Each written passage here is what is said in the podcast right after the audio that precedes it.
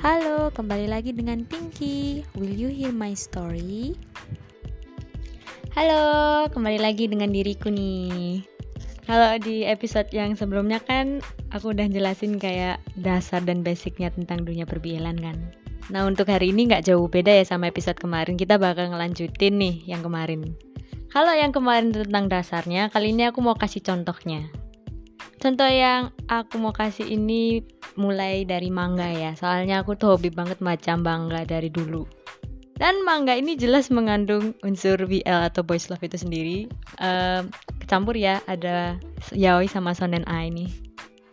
Nggak um, usah banyak-banyak, mungkin tiap episode bakal tak saranin. Kalau di total mungkin bakal ada 10 yang tak recommended dan dari 10 yang aku recommended ini mungkin bakal mulai besok kali ya. Kita akan mengupasnya tiap satu episode satu manga satu manga gitu. Tapi buat aku ini spesial sih soalnya manga ini mulai dari 10 atau mungkin bisa lebih banyak 20 ini adalah manga-manga yang berhasil buat aku menangis dan mengeluarkan banyak tisu. Kenapa demikian? Karena plotnya bagus. Aku akui yang bakal aku saran ini bagus-bagus plotnya dan agak menyerempet sedikit sama psikologikal.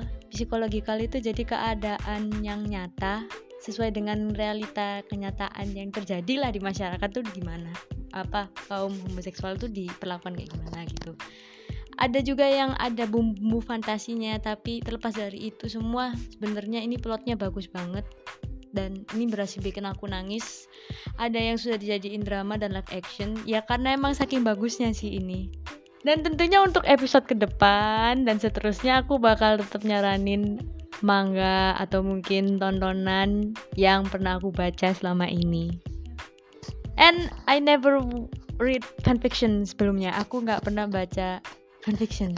Iya aku aku tahu aku aneh. Aku juga nggak pernah baca DJ atau dojinsin oh tapi baru-baru ini tuh baca sih sekarang. Mm -mm. tapi baru-baru ini sebelum-sebelumnya nggak pernah so what I'm gonna to recommend to you guys it's really original and it's not like a fanfic or something So tunggu aja ya di episode berikutnya. Oke, episode ini cuma untuk peringatan aja sih. Aku cuma mau memberitahu itu aja.